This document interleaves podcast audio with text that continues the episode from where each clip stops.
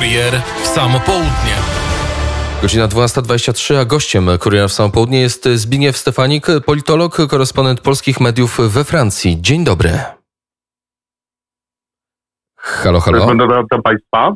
Chwilowe przerwanie Witam na państwa, łączu, ale koledzy. w- słyszymy się głośno i wyraźnie. Czy głos Emanuela Macrona w takim razie jest również słyszany nie tylko w Europie, ale także w Rosji, skoro uważa pan, że jego scenariusz, to o czym mówił, jest właśnie realizowany?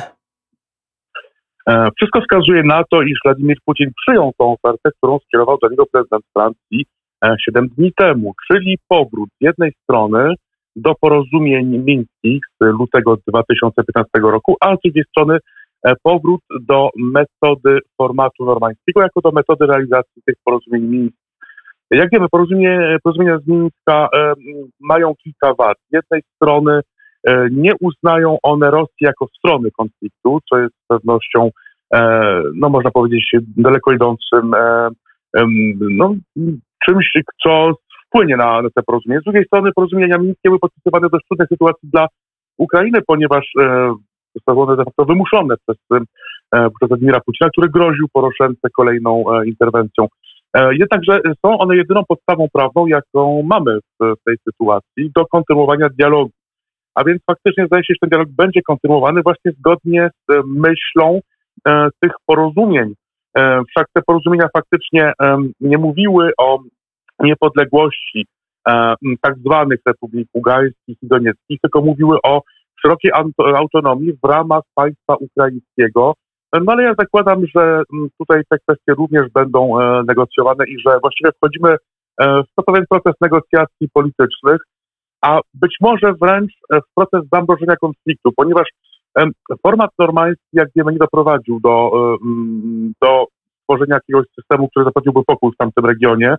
E, Jednakże e, na tym etapie jest on być może jedyną metodą, aby powstrzymać e, rosyjską agresję i właśnie zamrozić ten konflikt do czasu, kiedy to opadną emocje i będzie można w sposób no, bardziej spokojny, wyważony rozmawiać o tych wszystkich kwestiach.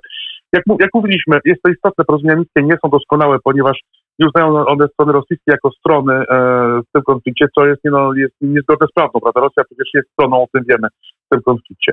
Tak, ale e, mówi pan, dalej? mówi pan o tym, o funkcjonowaniu Republik Ługańskiej i Donieckiej w ramach e, Ukrainy. No, ty- tymczasem e, słyszymy informacje płynące z rosyjskiej Dumy Państwowej o uznaniu ich za zupełnie odrębne ciała. Komentatorzy mówią o tym, że to może być właśnie wstęp do tego, co widzieliśmy w Gruzji wejścia wojsk rosyjskich dla ochrony swoich obywateli. Mm, Panie rektorze, em, obecnie trwa, trwa spór. Trwa spór, konflikt polityczny, konflikt geopolityczny i głosy, które słyszymy, poszczególne głosy są elementem tego sporu. Tak więc tutaj musimy e, mieć świadomość tego, że gra jest w toku. Tak jakby tutaj nic nie zostało zaczęte, zostało zakończone.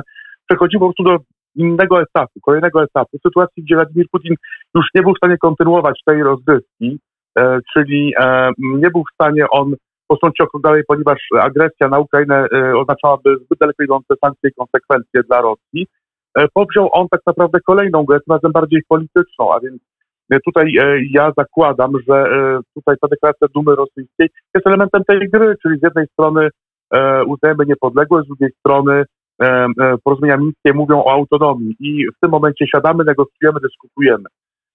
Tak więc z pewnością należy uznać za bardzo dobry znak to, iż faktycznie wszystkie wojska co cofają się z granicy. E, Jak wszystko na to wskazuje, wojska, które są na Białorusi rosyjskie bardziej miały posłużyć temu, e, aby dokonać no właśnie pewnej aneksji Białorusi, jeśli tak można e, to nazwać. I jeśli Białoruś kiedyś miała jakąkolwiek suwerenność, teraz tą suwerenność straciła. Tak więc tutaj należy również przez ten pryzmat patrzeć na to, co dzieje się po tej stronie. Jednakże możemy na tym etapie powiedzieć, że taka inwazja w skali makro Ukrainy jest raczej nieprawdopodobna na tym etapie. Przechodzimy do innego etapu. Pytanie również, e, jak będą, będą wyglądały te rozmowy, kiedy będzie zwołany e, e, no, pierwszy format normański, jaki będzie punkt wyjściowy tych rozmów, czy faktycznie zostanie ustalone, iż punktem wyjściowym tych rozmów będą porozumienia z Mińska. Warto mieć na uwadze, jak już mówiłem, to istotne dla Ukrainy te porozumienia były bardzo niekorzystne. Jakby pytanie, czy Kijów zgodzi się na przyjęcie tych porozumień miejskich jako właśnie punkt wyjściowy do kolejnych negocjacji, dyskusji. Wreszcie ja bym chciał również wspomnieć o kolejnym aspekcie tego konfliktu, ponieważ zdaje się, iż faktycznie ta deeskalacja, o której można już teraz mówić, zdaje się, jest również pewnym sygnałem, który Putin wysyła do prezydenta Bidena. Sygnał brzmi następująco. My się tu w Europie jakoś porozumiemy, nie jesteście wam potrzebni. E, ponieważ jest to swego rodzaju odpowiedź właśnie Putina na apel Macrona e, i Scholza, e, który właśnie ma pokazać, że tutaj my się porozumiemy w ramach formatu europejskiego, a tu Amerykanie jakby nie muszą brać w tym udziału. Z pewnością ma również podziałać jako element, jako klin pomiędzy właśnie Europą a USA w ramach paktu militarnego NATO.